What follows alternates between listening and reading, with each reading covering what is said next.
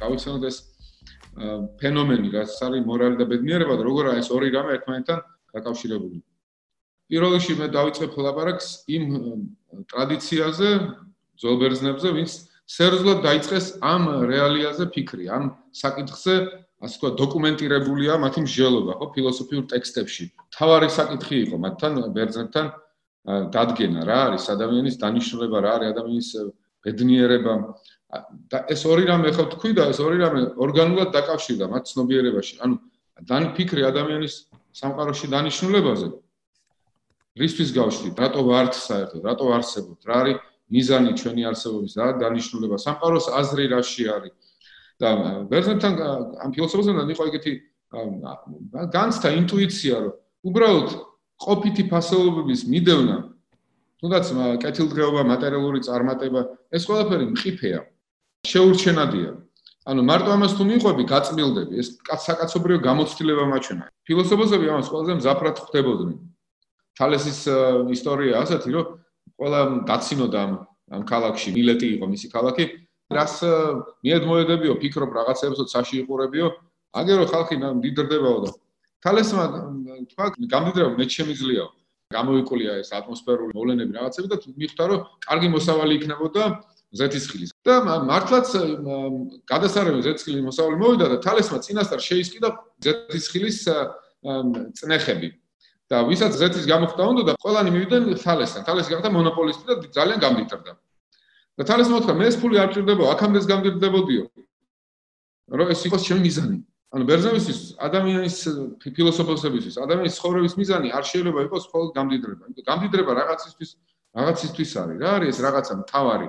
თავარი არის, რასაც აი თალესიც ამბობდა და ყველა ფილოსოფოსი, რომ შევიცნოთ არსის დანიშნულება. რა არის ეს არსი?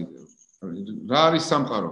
ყველაზე საინტერესო რაც არის, აი ყველაზე მეტად ადამიანური არის ის, რომ გამოვიკვლიო სამყაროს საზრისი. ბერძნები ფიქრობენ, რომ ყველაზე კეთილშობილი ადამიანები, ვინც თავის თავში გათავისუფლებს ამ ყველაზე ღრმა და ძვირფას სურვილს, ყველაზე ადამიანურ სურვილს, რომ გავიგო, რატო ვარსებობ ამ სამყაროში.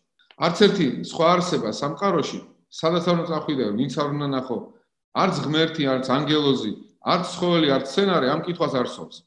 ეს ამ ხოლ ადამიანური კითხვა. რატომ ვარსებობ? რა არის საზრისი ჩემი არსებობის? ამ კითხვასთან დაკავშირებული ასევე ბედნიერებაც. იმიტომ რომ შენ რო იკვლევ სამყაროს, შენ იკვლევ მის ნამდვილ ფასეულობებს, არა კვაზი ფასეულობებს, არამედ ნამდვილ ფასეულობებს. ნამდვილად ნამდვილი ეს ტერმინია ბერძნული ontos on, ნამდვილად ნამდვილი. მე არ მინდა კვაზი რეალობაში ცხოვრება, მინდა კონცენტრირებული, ნამდვილი რეალობაში ცხოვრება, ამიტომ ჭირდება ეს რაციონალობა, ლოგოსური, ლოგიკური მსჯელობა, რომ დავადგინო რა არის ნამდვილად ნამდვილი. და მარტო აი ნამდვილად ნამდვილ შეუძლია გამაბედნიეროს. შენ ვერ იქნები ბედნიერი, თუ ადამიანურ დანიშნულებას მოწყდები. როგორ შეიძლება ყველა ყველა ცხოველი ასე ვთქვა, თავის დანიშნულებაში არის ასე ვთქვა ბედნიერი. ადამიანის დანიშნულება რაღა არის? ადამიანის დანიშნულება უბრალოდ ეს არის, რომ ნამდვილად ნამდვილს მიაგნოს თავისი მსჯელობა. და როდესაც ჩვენ ასე არ ვაკეთებთ, როდესაც ვივიწყებთ ამას, წხდებით აი ამ შესაძლებლობას. ანუ ჩვენ შეიძლება ავწდეთ ამ ნამდვილად ნამდვილს, მაშინ ბედნიერებიც ვერ ვიქნებით. ევდაიმონი არის ბედნიერება, ხო? აი ევდაიმონი, ამიტომ დაიმონ, დაიმონ ამ შემთხვევაში დემონი კი არ არის ბოროტი ძალა. დაიმონ არის რაღაც ღვთიური ძალა. და ბერძნებს ქონდათ გაგება ამის რეალურად, რომ ეს დაიმონ არსებობს რაღაც ღვთიური სივრცე, რომელსაც ჩვენ შეიძლება ჩვენი კეთილი ყოფაქცევით, კარგი ყოფაქცევით მიუახლოვდეთ და მაშინ გავხდები ბედნიერები. ზნეობასთან დაკავშირებულია ბედნიერება სოკრატესთან. მასთან აი ცოდნაზე აგებული, შენ და იცოდე, შენ ვერ გახდები რა ექსპერტი რამე დისციპლინაში. დაუშვათ ჭიდაობაში, დაუშვათ პლეიტის დაკვრაში, დაუშვათ ხელოსნობაში ან არქიტექტურაში. შენ ვერ გახდები ექსპერტი ამ საგნის თუ არ შეისწავლეს რაღაც ლოგოსი არა გაქვს ამ საგნის არა? ეხლა ნახოთ არსებობს თუ არა ზნეობის დისციპლინა? შეიძლება ჩვენ ზნეობა ვისწავლოთ სკოლებში. ანუ ავიღოთ ეგეთი რაღაცა სკოლაში გვაქვს საგანი ზნეობის მაგალითად არის მათემატიკა არის ქიმია ფიზიკა და არის ზნეობა მორალი მაგალითად.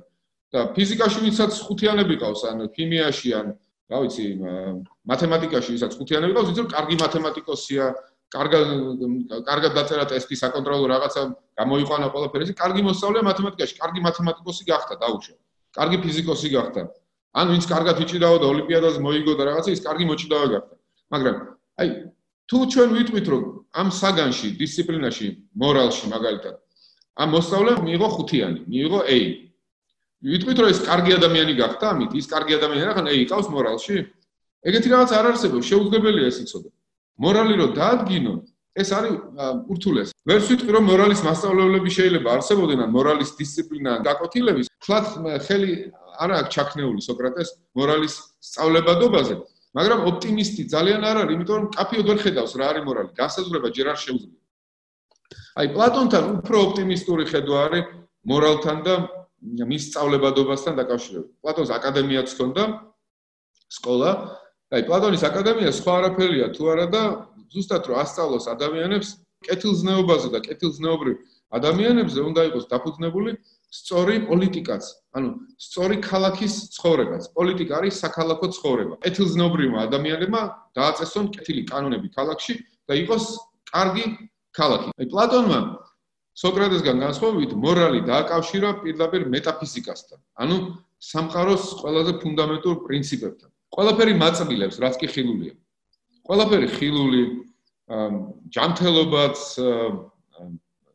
ქონებაც, ძალაუფლებად ყველაფერი არის შეურჩენადი. ყველაფერი მაწმილებს. მაგრამ ჩემ სულში არის რაღაცა, რაღაც მონატრება, რაღაცა უკმაყოფილება ამის გამო რომ ამ ამ საგნებმა გამაწმილეს. შეყარებულმა მიღალატა დაუშვა, ან სიყვარულში არ გამართლა, ან რაღაცა ბიზნესში ხელი მომეცარა, ან ჩემმა ქალაქმა მარცხი განიცადა ომში სადღაც და დაამონეს ჩემ მოქალაქეები. ან ჩემ სულში, ჩემს არსებაში არის რაღაცა, რაც არ ურიგდება ამას. და აი პლატონის ინტუიცია ამაზე აგებული. აი ის ჩემში რაც არ ურიგდება ამას, თვითონაც არ არის მიწიერი. ის რაც არ ურიგდება მიწიერ მარცხებს, მიწიერ ამ გაწმილებებს, ის რაც იბრძვის ამის წინააღმდეგ და უფრო მეტი სურვილი აქვს, ის შეუძლებელი იყოს თვითონ მიწიერი. აი ამ დიდ ინტუიციაზე აგებული პლატონის მთელი ფილოსოფია, ის ეძებს აი ამ ინტუიციის, ამ რაღაცა არამიწიერი სურვილის რეფერენტს. რა არის რაც შერჩენადია, რა არის რაც მარადიულია. აი პლატონი ამას მარადიული არის იდეალური.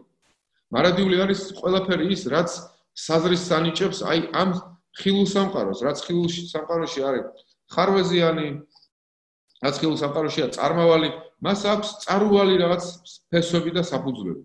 ყვავილობა, ადამიანობა ეს არავს არ ჭკნება. ესე იგი რაღაც არის ამის საფუძველი, რომ არ ჭკნება, არ აჭკნობს ამას. აი მე თუ მივაგენი ამას, აი მარადიულ საფუძვლებს სამყაროს, მაშინ მე ნამდვილად ბედნიერი ვიქნები. რატო? იმიტომ რომ ის შერჩენადია უკვე, იმას ვერავინ ვერ წამართავს. იმიტომ ის უხილავი არის, ის ქურდი ვერ მომპარავს. და პლატონთან ისე იქამდე მიდის ეს ინტუიცია, რომ ფიქრობს, რომ ნამდვილი მე ისა ვარ, რომელსაც ენატრება აი ეს მარადიული იდეები. და ნამდვილი ფილოსოფოსი ისა, ვინც თავის თავში გაათავისუფლებს ნოსტალგიას მარადიულის მიმართ. უცხოეთში ხარ, მაგალითად, ნოსტალგიაგან შენი მთავარი ყოვლის მომცველი განცდა არის რომ სამშობლოში დაბრუნება გინდა. აი პლატონის მთელი არსიც ეს არის რომ შენ უნდა გქონდეს ეს ნოსტალგიური განცდა მარადისობის მიმართ. შენ გენატრებოდეს მარადისობა, ის სრულყოფილებები. და მე უფრო მკაფიოდ ხედავ რა არის გამოსასწორებელი ამ ხილულ სამყაროში. როგორ მოვაგვაროთ ჩვენი ცხოვრება ისე რომ უფრო ბედნიერი გავხადოთ ეს. უფრო რაციონალური და ნელ-ნელა ავდივართ აი ხილულიდან უხილავისკენ. და მე ამ უხილავ პრინციპებს რო შევიცნობ, მე ბრუნდებით უკან ამ ხილულ სამყაროში ამ უხილავი წესრიგების შეგვაქვს. აი პლატონის შედარება შეიძლება ვასაცდე რომ ფილოსოფოსი არის ფილოსოფიური ადამიანი, თავდაყირახეები, რომლების ფესვებიც რითიც იკვებებიან, არის ზეცაში. ის აქ ჩანს, მაგრამ მისი ფესვი არის ზეცაში. იქიდან იკვებება, მარადისობიდან იკვებება, მისი იდეები ეს კანონები მოდიან ზეციდან. გამოდის აი ქალაქიც მნიშვნელოვანია პლატონთან ან პლატონისთვის ქალაქის წესები უნდა დააწესონ ბედნიერმა ადამიანებმა ანუ ფილოსოფოსებმა. ერთ-ერთი ფილოსოფოსია ბედნიერი ადამიანი. რატო არის ბედნიერი? იმიტომ რომ სული აქვს მოწესრიგებული. სამართლიანი სული პლატონთან არის ის სული რომელშიც სწორი იერარქია დაცული. ჭეშმარიტების სიყვარული ხნეობა და ვაშკაცობა და მესამე ეს სურვილები. სურვილებიც საჭირო მაგრამ სურვილებიც უნდა ემორჩილებოდეს ამ სამსაწყის. პლატონთან აი ცოდნა რა არის ნამდვილად ფასეული ორგანულ კავშირშია ზნეობრიობასთან. ზნეობრივი ადამიანი არის ცოდნე ადამიანი. შენ ვერ იქნები ზნეობრივი ადამიანი თუ არ დაადგინე სამყაროს ფასეულობები. თუ ვერ მიხვდი, რომ სიკეთე, უხილავი სიკეთე, სამართლიანობა, ჭეშმარიტება, ეს უხილავი დიადი იდეები, ეს არის შესაყვარებელი. ყველაზე გემრიელი პლატონისტის არის ფიქრი ჭეშმარიტებაზე და შეყარება, დაგემოვნება ჭეშმარიტების. უნდა გადავიდე პლატონის მოწაფეზე, არისტოტელეზე. 20 წელი არისტოტელე პლატონის მოწაფე იყო. რაღაცებში არისტოტელე ასევე ძალიან მნიშვნელოვან ასპექტებში შეეკამათა პლატონს. აი განსაკუთრებით მორალის სფეროში. მორალის სფეროში რა იყო განსხვავება არისტოტელესის პლატონისგან? არისტოტელე ფიქრობს, პლატონი ცდება, როცა ამბობს, რომ მორალი დაკავშირებული არის ამ უმაღლეს თეორიულ აზროვნებასთან. უმაღლესი თეორიული აზროვნება ეს ცალკე ასპექტია ადამიანის არსების. თეორიული აზროვნებით მე შეიძლება გავიგო რა არის უმაღლესი სიკეთე, მაგრამ ეს არ ნიშნავს, რომ მე იმ სიკეთილ ქმედებას ჩავიდე. მე შეიძლება ვიცოდე რა არის სიკეთე, მაგრამ არ ჩავიდინო კეთილი ქმედება. მე შეიძლება ვიცოდე რა არის ბოროტება, ამიხსნა რომ ეს მავნებელისაა და არისტოტელე იცის რომ ბოროტება მავნებელია. მაგრამ მე მაინც ვერ გადავაგდო რაღაც ცუდი ჩაოლება ამ ბოროტების მიმართ. მე შეიძლება ნახო რა ვიცი ამიხსნას ვინმე პროფესორმა მედიცინის რომ სიგარეტის მოწევად ანგრევს შემს ჯანმრთელობას და ფილტრებს მინადგურებს და 1000 რაღაც მე შემიძლია დავიჯერო ეს მივხვდე რომ ეს ასეა. მაგრამ მაინც არ მეყოს გამბედაობა რომ დაუძლიო ჩემი მიდრეკილება სიგარეტისკენ. რომ გადავაგდო ეს სიგარეტა. ვერ გადავაგდე, რომ ჩემში არის რაღაცა სისუსტე. არისტოტელე ამ სისუსტეს უწოდებს ნების ნების სისუსტეს, ნების უძალობას, აკრასია, კრასის, ან კრასისა ძალა. აკრასია, უძალობა. იგივე ძირიდან მოდის დემოკრატია, მაგალითად, ხალხის ძალაუფლება, ხო? აკრასია, აკრატია იგივე. არა უძალობა. ანუ არისტოტელემ თქვა, რომ პლატონმა არ მიაქცია სათანადო ყურადღება ადამიანის არსების აი ამ ამ რაღაც ფენომენს, რაც ქვია აგრესია, უძალოება. ჩვენ შეიძლება ვიცოთ რა არის კარგი, ვერ ვაკეთებთ ამ კარგს. ჩვენ შეიძლება ვიცოთ რა რაღაც არის ცუდი და ვერ გადავაგდოთ ეს ცუდი ჩაოლება და მაინც უბედურები ვიყოთ. პლატონს აქვს მსჯელობა აგრესიაზე, მაგრამ სახელს არ არქმევს ასეთ. არისტოტელე უფრო როგორ თქვა, გამოდიდებელი შუშით უყურებს აი ამ ფენომენს ადამიანში და უფრო მეტ ყურადღებას აქცევს. ცალკე ტერმინიც კი გამოჩეკა, გამოჭედა ამ ამ ფენომენის ასახსნელად. ესა აკრასია უძალობა. ამიტომ არისტოტელე ამბობს, პლატონმა რაც არ უნდა თქვას, რომ მე გავიგე რა არის ჭეშმარიტი, ეს სულაც არ ნიშნავს, რომ მომინდება ჭეშმარიტი და გავაკეთებ კიდეც ამას. ამიტომ მარტო ცოდნა არ არის მორალი. მორალი პროფესიო პრაქტიკულ პრაქტიკულ მოქმედებებთან. და მორალს ჩვენ ვერ ავაწყობთ უმაღლეს თეორიულ მსჯელობაზე. მორალი უნდა ავაწყოთ კონკრეტულ ყოველდღიურ ჩვენს ყოფაქცევაზე. ანუ მე ვერ დავიწყებ უმაღლეს რაღაც რაღაცა ინსტანციაზე ფიქს, თორსა კონკრეტული რაღაცაა გადასაწყვეტი. მაგალითად, ჩემმა მოსწავლემ დაუშვათ გადაიწერა ვიღაცისგან საკონტროლო, პლაგიატი ჩაიდინა დაუშვათ. როგორ დავსაჯო? გავაგდო სკოლიდან? ან ჩამოვართვა ის იმ საკონტროლოში დაუწერო დაუშვათ ორიანი, ან ჩავჭრა იმ საკონტროლოში უფრო მკაცრი ზომა მივიღო, სად არის ის პასუხი, რომ რა გავაკე, რა გავუკეთო ამ მოსწავლეს? რომელიღაც მოსწავლე შეიძლება უნდა გავაგდოთ სკოლიდან, იმიტომ რომ ბევრჯერ ჩაუდენია ეს პლაგიატი და არ გადააგდო ეს შეულება, ეს უდი შეულება და ხედავთ რომ გამოსავალი არ არის, უნდა გავაგდოთ დაუშვათ. შეიძლება ერთ ერთ ამ მოსწავლემ, ამ კონკრეტულ მოსწავლემ იმ სასწარგოთილობის გამო რომ რაღაცა ძალიან მნიშვნელოვანი ხდებოდა მის ცხოვრებაში და ეს ნიშანი ძალიან უნდა და რაღაც არ ვიცი. ჩაიდინა ეს პლაგიატი, სხვა დროს აროსარ ჩაუდენია, შეიძლება სახში ტირანი მამა ყავდა და ამის გამო რაღაცა ხდება მის ოჯახში. ამიტომ მე ვიცი რომ ამ შემთხვევაში გაგდება არ იქნება ადეკვატური პასუხი, რაღაც უფრო მეტი გულისხმიერება უნდა გამოიჩინო. ანუ არ არის ეგეთი ცოდნა, მორალის ცოდნა არ არის აბსტრაქტული ცოდნა. არისტოტელესთვის. აბსტრაქტული სიკეთის ცოდნა არ არის როგორც პლატონთან. მორალი არის ყოველთვის კონკრეტული და ყოველ კონკრეტულ ვითარებას ცხოვრების ჭირდება კონკრეტული განსხვავებული პასუხი. ამიტომ არისტოტელესთან პლატონის მორალი არის არაპრაქტიცირებადი და ის რაც არაპრაქტიცირებადია მორალიც არ არის. იმიტომ რომ მორალი ნიშნავს პრაქტიკას. ასევე რაც მნიშვნელოვანი რაც უკვე თქვი, ცოდნა არ არის მორალი. მე შეიძლება ვიცოდე რა არის კარგი, მაგრამ არ ქონდეს ძალა ეს კარგი გავაკეთო. ისო პლატონს ვეკომაგები ახლა და არასწორად არ ვეკომაგები, რომ არ არის სამართლიანი არისტოტელე პლატონის მიმართ. პლატონი არ ლაპარაკობს ასე როგორ თქვა, სტერილურ ცოდნაზე. პლატონისთვის ეს ცოდნა ყოველთვის სიყვარულთან კავშირში არის. მე რაც ვიცი, იმას ვიყვარებ კიდეც. და თუ ვიყვარებ, მაქვს რაც ძალაც, რომ ის რაც მიყვარს, ის შევასრულო კიდეც. თუმცა სპეციალურად აკეთებენ ფილოსოფოსები ამას, რომ რაც გამიჯნონ თავისი თავი, რომ უფრო მკაფიოდ წარმოაჩინონ თავისი დოქტრინის განსხვავებულობა სხვა ფილოსოფოსის დოქტრინისგან.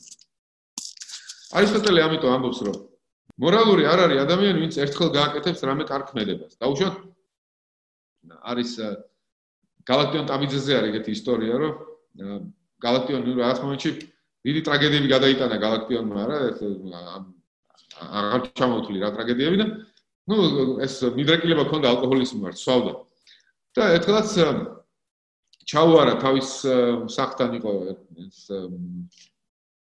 ტრაქტირი რაღაც ღვინის დასავლეთ და სადაც შედიოდა ხოლმე სვავდა ღვინოს და აი თქვა რომ მოდი არ დავლე ხა ღვინოს და აი ჩაიარა და არ დალია ღვინო. ჩაიარა რამდენიმე ნაბიჯი გაიარა ერთი 50 ნაბიჯი და რამდენი შეგძლებია galaktiono მოდი ახლა აღნიშნოთ ეს და დაბრუნდა უკანა დალია. ანუ ვერ ვერ გაუძლო ამას მაინც დალია ხო? რომს გაეძლო ეს ერთი დღე? galaktionos დაუშვათ და არ დაელია. არის ზოგადად და ეს არ არის სათნოება. სათნოება ის ერთხელ რო გაუძელი ის კი არ არის. სათნოება არის რომ შენ სათნოება და მორალი მორალური ადამიანი ისა ვინც ერთხელ კი არ გაძლევს რაღაც არასწორ ქმედებას არამედ ჩამოიყალიბებს ჩვევას, რომ ყოველთვის, როცა მსგავსი სიტუაცია დაუდგება, ყოველთვის თავის ვნებას დამორჩილებს რაციოს, რაციონალობას. იმიტომ რაციონალურია, რომ შენ გავფრთხილე შენ ჯანმრთელობას, არ დალიო, მაგრამ გეკაჩება რაღაც ვნებაა რა. მაგრამ შემდეგ კონდეს ეს გადაწყვეტილება მიღებული, რომ ცხოვრებისეული გადაწყვეტილება, რომ მე ყოველთვის, როცა ასეთი არჩევანი დადგება, ჯანმრთელობის დარღვევასა და რაციონალობას შორის, მე რაციონალობას ავირჩევ და მოვთოკავ ჩემს ვნებას. ერთ დღეს კი არა მარტო, ყოველთვის. მე თუ ზედმეტი ძალისხმევით ვაკეთებ ერთხელ, მაგრამ გმირობას შავიდან დავუშვათ ერთხელ. მაგრამ გმირობა ჩემი ჩვევა არ გახდა, ჯერ კიდე გმირი არ ვარ. ანუ არისტოტელე ამბობს, ჩვენ და ჩამოვიყალიბოთ ეთოსი. ეთოსი არის ჩვევა. ან სხვანაირად უწოდეს არისტოტელე ექსის, ექსისი არის ფლობა. მე მგონი ფლობდე ამ კეთილთვისებას. ანუ არისტოტელესთან ეს ესეთი ჩვევების ჩამოყალიბება არის დაკავშირებული აი ასკეზასთან, რაღაც პრაქტიკულ გამოცდილებასთან. შეიძლება იყო ჭადრაკის ჩემპიონი, ხო, ბავში, მაგალითად, არ ვიცი, 12 წლის ბავში ან 13 წლის ბავში უგებდეს ჭადრაკის სოფლიო ჩემპიონს. კაპაბლანკა იყო ეგეთი და ბობი ფიშერი იყო ეგეთი, რაღაცა ვუნდერკინდი მოჭადრაკეების. მორალური ვუნდერკინდი შეუძლებელია იყო. იმიტომ მორალი დაკავშირებულია ყოველდღიურ შრომასთან, შენს უნებებთან, შენი უნებების ძლევასთან და ეს მარტო გამოცდილებით მოდის. ანუ 12 წლის ბავში მორალური ჩემპიონი შეუძლებელია.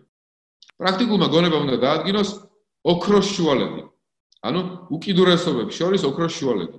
ანუ ოქროს შუალედის მორალია არისტოტელე. რა არის მორალური? მორალურია მაგალითად ხელგაშლილობა.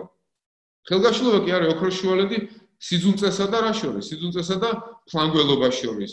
ხელგაშლილობა სადაც ამათ შორის არის. შუალედი არის ზუსტად შუაში. იმიტომ რომ ხელგაშლილობა უფრო ფლანგველობისკენ არის მაინც, ვიდრე სიძულწესთან. რა არის ვაშკაცობა? ვაშკაცობა არის სიმხდალესა და თავზეხელაღებულების შორის შორის, შუაში. მაგრამ ზუსტად შუაში არა. იმიტომ ვაშკაცობა მაინც უფრო თავზეხელაღებულობის ახლოსა მონათესავია, ვიდრე სიმხდალის. აი და არისტოტელე აი ასე გეგმავს, რომ ასე უნდა იყოს სიმხდალე ვაშკაცობის იდეა, რომ სადაც სიმხდალე თავზეხელაღებულების შორისაა ვაშკაცობა. ვაშკაცობა არის რაც ოქროს შუალედი, რომელიც ყოველ კონკრეტულ შემთხვევაში უნდა გამოიძიო, რომელი იქნება ოქროს შუალედი ამ კონკრეტულ ვითარებაში. ანუ არისტოტელე ლაპარაკობს ჩვევის ჩამოყალიბებაზე, რომ მე ყოველთვის ჩვევა, რომ დაუმორჩილო ჩემი ვნებითი საწყისი ჩემი სულის, ჩემი სულის გონიერ საწყის. და რაღაც ეს ეს ჩვეულება მქონდეს ცხოვრებისეულ კრედო, ცხოვრებისეულ ჩვეულება. და ნამდვილი მოქალაქეები არიან, ვისაც აქვს ეს კეთილი ჩვევები ჩამოყალიბებული. და არისტოტელესთან ქალაქიც ემსახურება კეთილი ჩვევების ჩამოყალიბებას. ანუ არისტოტელესთან ქალაქი ემსახურება შენს ბედნიერებას, იგივე შენს ღირსეულობას. ქალაქი არ ქვია იმ იმ ერთობას ხალხის, თუნდაც შენობების ერთობას და გალავანს, სადაც მარტო კეთილდღეობაა დასახული მიზნად. პოლიციის სახელს ემსახურებს მარტო ისეთი ერთობა ადამიანების, ვინც ცდილობენ გახდნენ ღირსეულები. ანუ კანონები ემსახურება შენს ბედნიერებას. კანონები არ რაღაც თამასას წევენ შენთვის რომ რაც კეთილი ჩოა ჩამოიყალიბო შენ თავში. აი დაუშვე ეს კასეთი კანონი რო იყოს რომ შენ თუ არ დაეხმარები დაუშვათ მინიმუმ 10 მოხუცებულს ქუჩაში გადასვლაში ხელფასის რაღაც პროცენტ დაგაკლებენ დაუშვათ. ესაა კანონი. ანუ შენ გაკეთე ვალდებულება, რაღაცა ძნობ რომ არ დაგაკლებენ ხელფასი უნდა გადაიყვანო ხანშესული ადამიანები ქუჩაზე, ვისაც უჭირს გადასვლა რა. მაგრამ თანთანობით შენ ხედავ ეს კანონი შენ გაკეთილ შობილებს. ანუ შენ რაღაც მომენტში იმიტომ კი არ აკეთებ მაგრამ რომ ხელფასი არ დაგაკეთო ან დაგსაჯონ. ანუ შენ ხედავ რომ კანონი ქალაქმა მიიღო არა იმის რომ დაგსაჯოს არამედ რომ უკეთესი ადამიანი გაგხადოს და შენ რაღაც მომენტში აღმოჩნი რომ შენ თავისთავად ვერ გზნობ თავს კარგად. თუ ერთ 10 10 მოხუცებულს კი არა 15 მოხუცებულს არ დაეხმარა ან საერთოდ ნებისმიერ შემთხვევაში დაინახავ თუ არა ვიღაცა უჭირს ქუჩის გადაცვლა შენ გაქვს რაღაცა სურვილი უკვე რომ დაეხმარო ანუ შენ ჩვევაში გაგენს გადაცული ანუ კანონი ქალაქის კანონი გეხმარება შენ რომ გამომუშავო კეთილი ჩვევა და რახან თელი ქალაქი ამ ჩვევებით ცხოვრობს თელი ქალაქი იმსგავსებს თავის მოქალაქეებსაც და მოქალაქეები ხდებიან ამ კანონების მატარებლები თავიანთ თავში. ეს კანონები მათში ხდებიან როგორც ჩვეულება, როგორც მათი მეორე ბუნება. არისტოტელესთან არის ეს იდეა, რომ კარგი ქალაქი არის ის ქალაქი, რომელიც ადამიანების ღვთის კარგება. ადამიანის მორალურ და ბედნიერ ადამიანებად აყალიბებს. ეს მეგალოფსიხოს, ანუ სულ გრძელ ადამიანებთან ჩამოყალიბდა ქალაქში, ხო?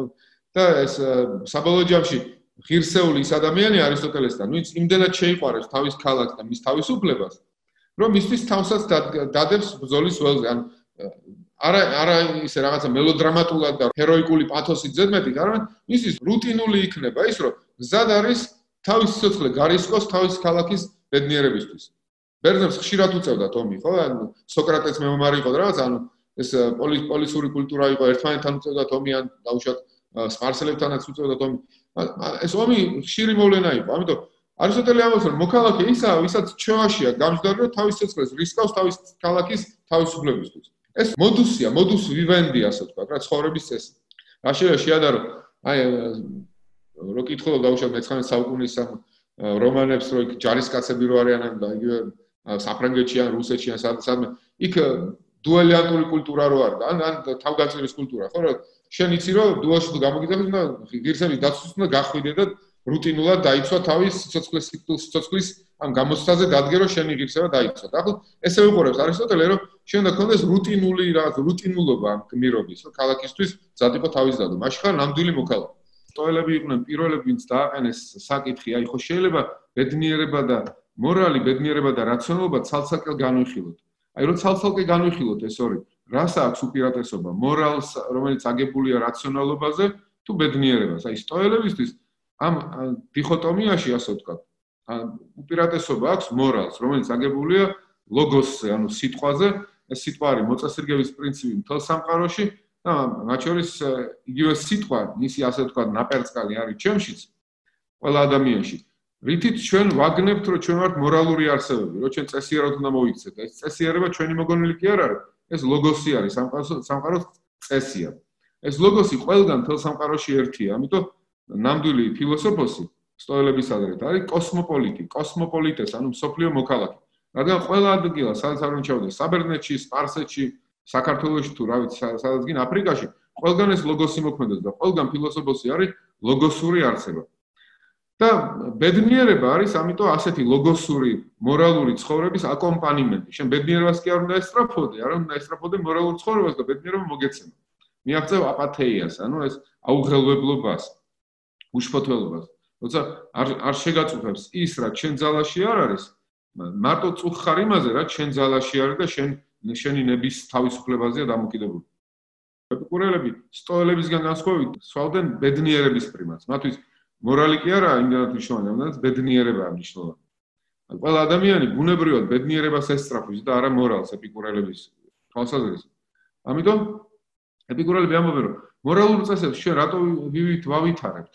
იმიტომ რომ უფრო ბედნიერად ვიგრძნოთ თავი. ისო ბედნიერება მართავს მორალს და არა პირიქით.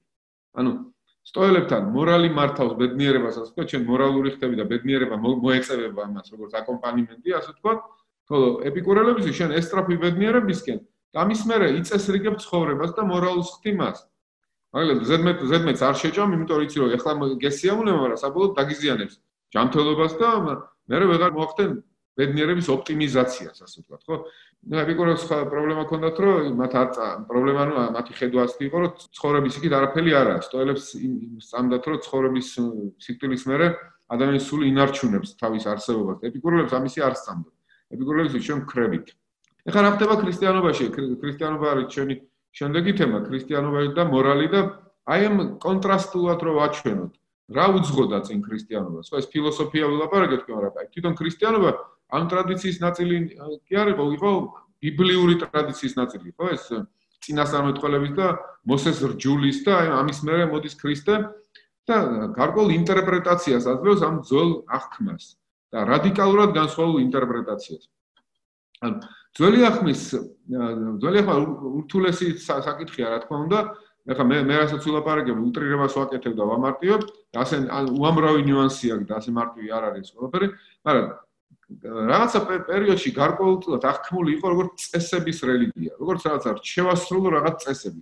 შინაგან არს არ დავაკვირდი ამ წესების.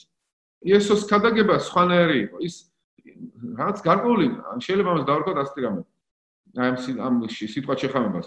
პედაგოგიური პროვოცირება. პედაგოგიური მიზნით ეს უკეთებს პროვოცირებას. ამ რჯულის მინდევარ ებრაელებს, ეუბნება რომ აი მე შაბათი დავარღვიე, ხო? დაუშვათ შაბათს განკურნე ადამიანი. თქვენ ახლა გაბრაზდით, იმიტომ შაბათს ხარ შეიძლება მუშაობა. აი შაბათს რატო გააკეთე ეს? მე კი გეუბნებით რომ კარგი საქმისთვის არ არის შაბათი და პარასკევი. და უფრო პროვოკაციულად ამბობს რომ მე მაგალითად ჩემ მოსწავლეებს მივეცი უფლება და ჩემ მოსწავლეები ყანაშიო, როცა მოშივდათო პურს პურის თავთავის გლეჯენო და ჭამენო. ეს არ არღვევენ ორჯულსო. და აი ეს ამ ფუნდამენტური სიტყვა, რასაც იესო ამბობს და ატყირავებს თელ ამ ძველ ახმის შეხედულებას. რჯული არის ადამიანისთვისო და არა ადამიანი რჯულისთვისო. ანუ შაბათი არის ადამიანისთვის და არა ადამიანი შაბათისთვის. ნებისმიერი რჯული შენთვის არის და არა შენ კი არ ხარ რჯულისთვის. შენ ხარ მეფე. შენ მონა არ ხარ. მონები ესადაგებიან ვიღაცის წესებს.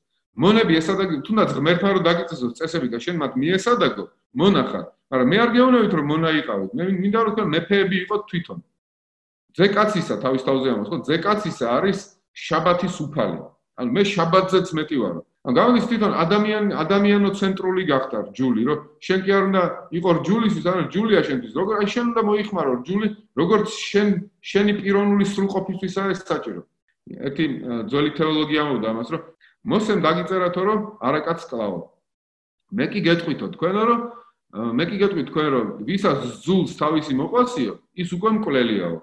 ანუ არაკაც კლავს მის ახალი ინტერპრეტაცია. ნახეთ რომ შენ ფიზიკურად მოკვლის დროს კი არა ხარ მარტო მკვლელი, უკვე სიძულით მკვლელი ხარ. შენ უკვე გულში მოკალი ვიღაცა და უკვე მკვლელი ხარ.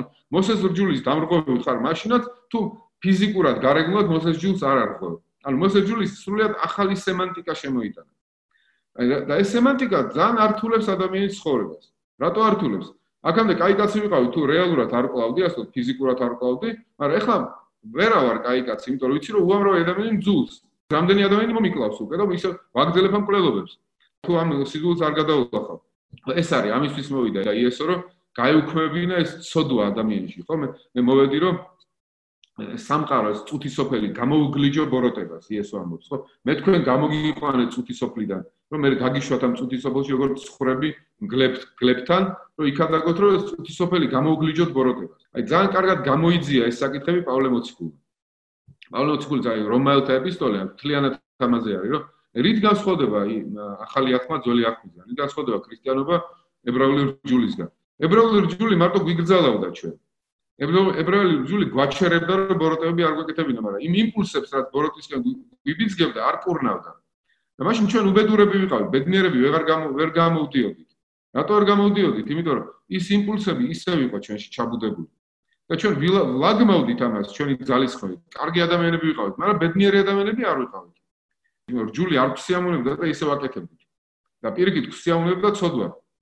ანუ რატა რა ხდება ეს აი რატო არის ესეთი დიქოტომია აი ეს გაორება გაგლეჯა ჩემი ცნობიერების პავლე ამბობს და ვინ მიხსნის ამის ამ გაგლეჯისგან ამ გაგლეჯილის ცნობიერებისგან და აქ შემოყავს უბრალოდ რომ არავინ იესო ქრისტეს გარდა იესო ქრისტე ერთადერთია ვინც მოვიდა ვისაც შეუძლია დიქოტომია ეს ხიდი გადოს ამ ჩემს სურულსა და სიკეთეს შორის თუმცა მე სიკეთე უკვე სიამოვნებს კიდეც ჩემი ჩემი ხდება ჩემი ღვიძლი ხდება რაღაცა სიკეთე იმიტომ არ ეუბნეო თქვენ ჩემი მონები ხართ, აღარ ეუბნეო. თქვენ ჩემი მეგობრები ხართ. თქვენ ჩემი ძმები და დები ხართ, ეუბნეო. იმიტომ რომ თქვენ უკვე ყველაფერი გითხარით და ჩემთან ერთად თქვენ შეგიძლიათ ეს ცოდვის ინერცია დაამარცხოთ. მე დავამარცხე წუთი სოფელი, ანუ ეს ცოდვები და თქვენ ჩემში დაამარცხებთ ამ ცოდვებს. და პავლეც ამას ამბობს, რომ აი ესო მოგცა საშუალება აი ეს გადავლახოთ. ეს გადავლახავი რაც კედელი ჩვენსა და სიკეთეს შორის, რომ სიკეთე არ გვსიამოვნებდა. ეხლა ჩვენ სიკეთეს გულით გავაკეთებთ. ამიტომ ქრისტიანული ერა არის ნეტარების ერა. არაკაც არა ეს არა ეს კი არა, ნეტარი არის, ნეტარი არის ვინც ასე აკეთებს და ასე. და იესო გეუბნება რომ მე ისეთ ისეთ რთულ ცნებებს გაძლევ, ისეთ რთულ ცნებებს, რომ შენ ამას ვერ გააკეთებ. ავხორცი გახედვა, უკვე მრუშობა არის დაუშვათ. და რომ შეიყვარო შენი მოყვასი როგორც შენი თავი, არ არის საკმარისი უკვე. შენ უნდა შენი მტერით შეიყვარო. შეუძლებელ ცნებებს გეუბნ. და ამავე დროს გეუბნ, მან ჩემი ჩემი უგელი ტკბილია და მსუბუქი. ეს ორი როგორ შეიძლება? თან შეუძლებელ ცნებას მაძლევს. თან კიდე მეუბნება ჩემი უგელი არის ტკბილი და მსუბუქი. იმითაა მარტო შესაძლებელი გეუბნება, მე მარტო ცნებას კი არ გაძლევ, მე გაძლევ ჩემს თავსაც. ანუ მე ისე ისეთი ისე ვიქნები შენში, შენში ვიმოქმედებ მე, თუ მიმიღებ. ანუ იესო მარტო ცნებებს კი არ უტოვებს, როგორც მოსე მაგალითად, არა? იესო თავის თავსაც აძლევს ადამიანებს, რომ მასთან ერთად გააკეთონ ეს, ანუ მარტო ვერ გააკეთე, მაგრამ ჩემთან ერთად გააკეთე. გამოდის ადამიანის დანიშნულება ქრისტიანულ პერსპექტივაში არის ესეთი სინერგიული, ანუ თანამშრომლობითი, თანაქმედებითი ურთიერთობა ღმერთთან. ესაა შენი საბოლოო დანიშნულება. აი ეს ანუ შეიცვალა რჯულის აკრძალვითი რელიგია ამ თავისუფლების რჯული. სადაც შენში მოქმედებს ღმერთის მადლი და ამ მადლთან ერთად შენ აკეთებ შენ ინტერპრეტაციით საქმეს. ნეტარაგუსნესაა გამიგე ეგეთი უცნაური ფრაზა, ცოტა სახიფათო ფრაზაც შეიძლება ჩანდეს. გიყვარდეს, გიყვარდეს და რაც გინდა აკეთებ. ეს არ არის ნებისმიერ სიყვარულს, გიყვარდეს ღთიურ სიყვარულს, ხო? თუ ღმერთი გიყვარს, თუ შენში მოქმედებს ღმერთი, მაშინ რაც გინდა აკეთებ. რჯული შენთვის არ არის. პავლე პავლე მოციქულიდან აქვს აღებული პრინციპი ნეტარაგუსნეს, რომ ვიშიც დაიწყო ღმერთის მადლმა მოქმედება, ასეთებისთვის რჯულიც აღარ არის. ჯულის იქით არიან უკვე ესე თავისუფლებაში ცხოვრობენ. იესოს მცნებები არის ძალიან ენიგმატური. არა ადვილად გასაგები. იმიტომ რომ შენ და ჩართო შენი თავისუფლება რომ გაიგე ერთი ლოკა თუ თუ დაგარყეს მეორე შეუშვირე. ეს პირდაპირ ნიშნობით ვერ გაიგებ რაღაცა რაღაცას ნიშნავს არა და უნდა მთელი შენი ინტელექტუალური ენერგიები რაც სულიერ ენერგიები დაძაბო და მიხვდე ნეტავი რა თქვა და ამის განმარტებას საზღვარი არ აქვს რა როგორ რამდენი ინტერპრეტაცია შეიძლება შეიტანო აი ამ ცნებაში. და თან საინტერესო ისაა რომ ამას დასასრული არ აქვს, ანუ გეუბნება ქრისტიანობა რომ აი ამ განვითარებას ამ მადლის ცხოვრებაში ამ ჭეშმარიტების რჯულში სასრული არ აქვს. და რაც უფრო ვითარდები, უფრო მეც და მეც იგებ. აი ქრისტიანობა ცოდნა კი არაა, ქრისტიანობა არის ცხოვრების წესი, ფაქტობრივად პრაქტიკა. რაც მეც პრაქტიცირებ ამას, უფრო მეც იგებ. როგორც სწორელებმა დაიწყეს ამაზე ფიქრი, ემანუელ კანტმაც დაიწყო ფიქრი ბედნიერებაზე და მორალზე, ბედნიერებაზე და ადამიანის დანიშნულებაზე. რა არის ადამიანის დანიშნულება? ბედნიერი იყოს თუ თუ სხვა რამე, ადამიანის ღირსებას რა რა შეადგენს ადამიანის ღირსებას? კანტი ფიქრობს, ადამიანის ღირსებას შეადგენს თავისუფლება. და თავისუფლება რა არის? თავისუფლება კი არის, როცა მე არ ვიქცევი რა ფენომენური სამყაროს, ანუ ხილული სამყაროს, ზოგადი სამყაროს წესების მიხედვით. მე თუ ვარ თავისუფალი ადამიანი, მე უნდა შემოვიტანო ჩემ ცხოვრებაში უნდა. არა ის რაც თავისთავად ხდება, ასე ვთქვა, არა რაც უნდა ხდებოდეს. თავისუფალი და ღირსეულია მაშინ ადამიანი, რომელიც თავისთავად დაუწესებს კანონს, რომ მან არ უნდა არ უნდა გაყვეს ამ ინერციას. კატეგორიული იმპერატივი არის ისეთი მორალური წესი, რომელიც მე სრული პასუხისგებლობით და შეგნებით შემიძლია დაუკანონო მთელ კაცობრიობას. რა შემიძლია დაუკანონო სუფთა სინდისი? სუფთა სინდისი შემიძლია დაუკანონო ერთი რამე, რომ არასდროს არ გადაიწერო. ყოველთვის იყავი მართალი შენი შენი სამუშაო გაკეთე. ესაა კატეგორიული იმპერატივი, არის კატეგორიული იმპერატივი. ეხლა მივაქცია ამ კატეგორიულ იმპერატივს, მაგრამ შემი რა უნდა ვქნა მის მერე? შემდეგი ნაბიჯია რომ შენ თავს დაუკანონო ეს კატეგორიული იმპერატივი, თავისუფლად. აი მაშინ ვიქნები თავისუფალი თუ მე თვითონ დავიკანონე და ამ კანონის მიხედვით ცხოვრობ. ამიტომ თუ სადმე თავისუფლება კანტისთვის არსებობს, თავისუფლება არსებობს მორალში. და უმაღლესი მორალური კანონი ყველა დიდი კატეგორიული იმპერატივი არის, სხვა ადამიანს და ნუ ნების არ მარტო ადამიანის სხვა რაციონალურ არსებას ნებისმიერს შენ უნდა შეხედო როგორც მიზანს თავის თავში და აროს არ გამოიყენო როგორც საშუალება შენი თავისთვის.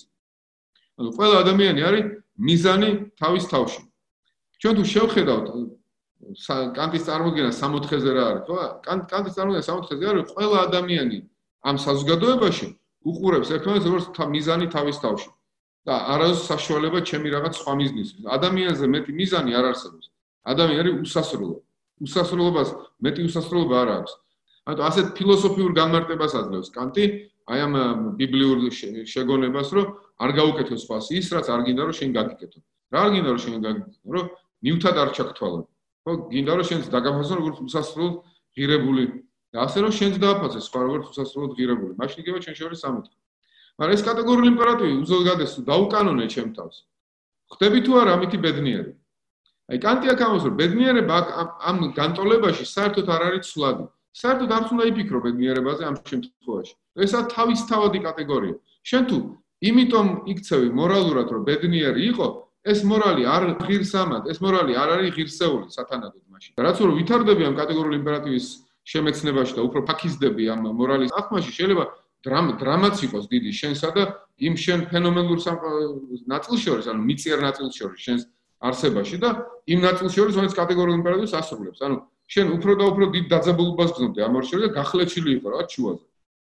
და მეტიც გრძნობდი რომ კატეგორიული იმპერატივის შესრულებაც კი აროს არ აროს არ შეგიძლია შენ რეალურად სრულყოფილად შეასრულო კატეგორიული იმპერატივი. ყოველთვის რაღაც ნაკლები ხარ ამაზე. ანუ მაინც ვერ ხდები ისეთი როგორც გინდა წარმოიდგინო შენი თავი. და კანტი ფიქრობს აი რა რა გადაწყვეტს ამ დილემას. როგორ შეიძლება ადამიანი თან იყოს მორალური და თან ბედნიერი?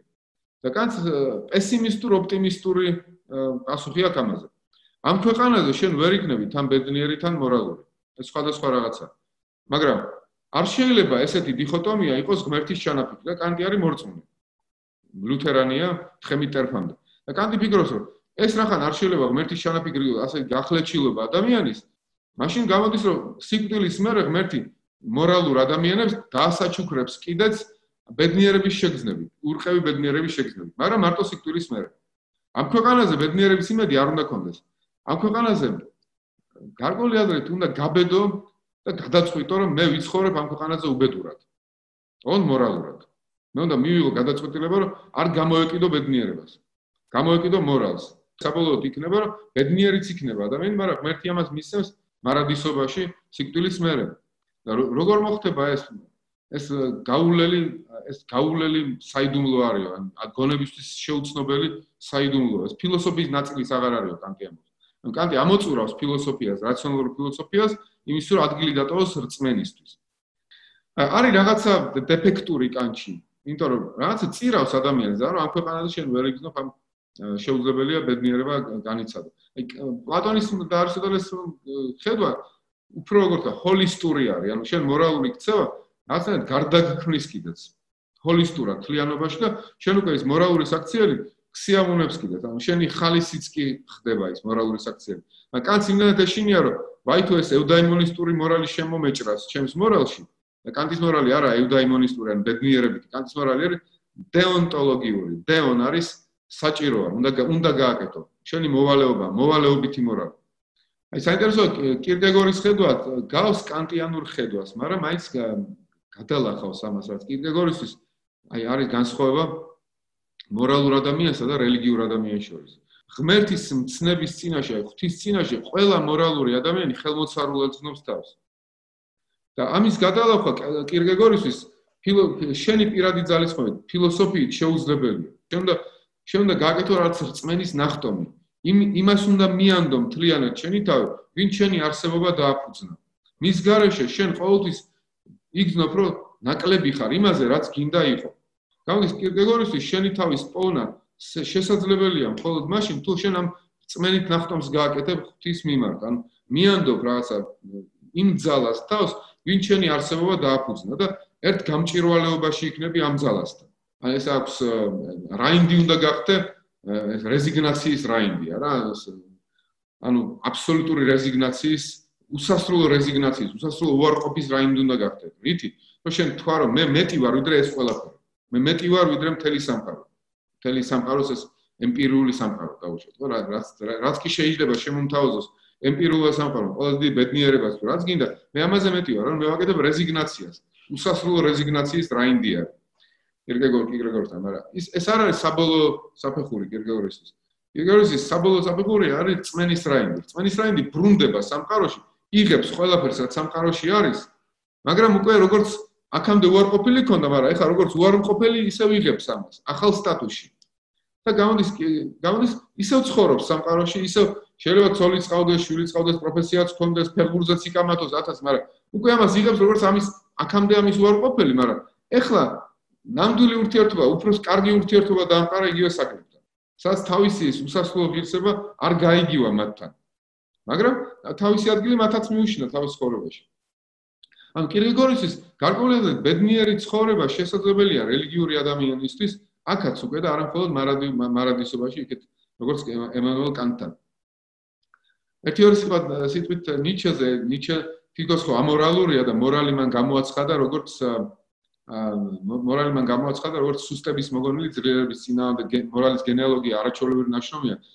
ნიჩე რადიკალია, შეიძლება არ დაეთანხო ყველა მის დასკვნაში, მაგრამ იმდენად ვაშკაცი მოაზროვნე არის, ბოლო უკიდურესობა უნდა მიყავს თავისი ფიქრები და რაცა ძალიან თუნდაც შენში შეიძლება ნიჩეს რო კითხულობ, აღმოაჩინო რაღაც ჩასაფრებული შენგან აქამდე შემოჩნეველი ანუ სულმოკლეობის დემონები ასე ვთქვათ რა რომ შენ ვერ ამჩნევდი რომ შენ შენც რაღაცა სულმოკლედ ქონდა გაგებული მორალი შენც იყენებდი მორალს საკუთარი სულმოკლეობის და გაუბედაობის გასამართლებლად და ძლიერის და შემოქმედებითის წინააღმდეგ ხშირად იყენებენ ადამიანები მორალს ზუსტად ასე სულმოკლე გაგები მიუხედავად იმისა რომ ის თვითონ უპირისპირდება ქრისტიანობას გარკვეული ძალიან ქრისტიანულიცაა აი გაგახსენებ რაც ულაპარაკი ქრისტიანობაზე არ მისადაგების რელიგია ქრისტიანობა. შენ ისი ცხოვრო, რაც შინაგანი წამსით გაგდა, სულიწმინდით იცხოვრო თავისუფლების რჯული. შენ რა საკეთებ, თავისუფლებით აკეთებდი ამას, როგორც შენ საკუთარს. აი ნიჩეც აქ არის, რომ ნიჩეც ამბობს, რომ შენ ვერაფერს ვერ აერჩევ, მანამდე სანამ საკუთარ თავს არ აერჩევ. შეიძლება შენ კეთილი საქმეები აკეთო, როგორც სხვის სიცხოვრების ნაწილი. აი იესო არის ნიჩესთვის ასეთი, რომ იესო და ზარატუსტრა ამიტომ გვანან ერთმანეთს, რომ იესოს და ზარათუსტრაც არიან თავისუფლები. ისინი რაღაცას კი არ ესადაგებიან კანონებს და მონურად კი არ მიყვებიან, ან თვითონ აწესებენ ამ კანონებს თავის თავისთვის. თვითონ აწესებენ იმ ცხოვრების სტილს და წესს, რომელსაც მათ მიაჩნიათ, არის ყველაზე კარგი. ან არის ყველაზე შემოქმედებითი, ყველაზე ნამდვილი, აუთენტური. ამიტომ ეს იესო და ზარათუსტრა ნიჩესთვის არიან ერთ ბანაკში ფარისევლების წინააღმდეგ, ვისაც აცვია დიდი ეს ტანსაცმელი გრძელი ლენტებით, რომელზეც წერია ბიბლიური მცნებები, რომ ეს ეს არ ეს არ გააკეთო, ეს ქენი ის ქენი და აი ეს მომენტები მისადაგების კულტურა არის მონური კულტურა. ამიტომ ნიჩეც ხადაგებს გარკვეული აზრით მსგავს, რასაც ქრისტიანობა იგივე არ არის. ძალიან დიდი განსხვავება, მაგრამ ამ ფუნდამენტურ ასპექტში ნიჩე ფსიქოლოგიურად ძალიან ქრისტიანულია, როცა ამბობს, რომ შენ შენს ქმედებაში უნდა იყოს თავისუფალი.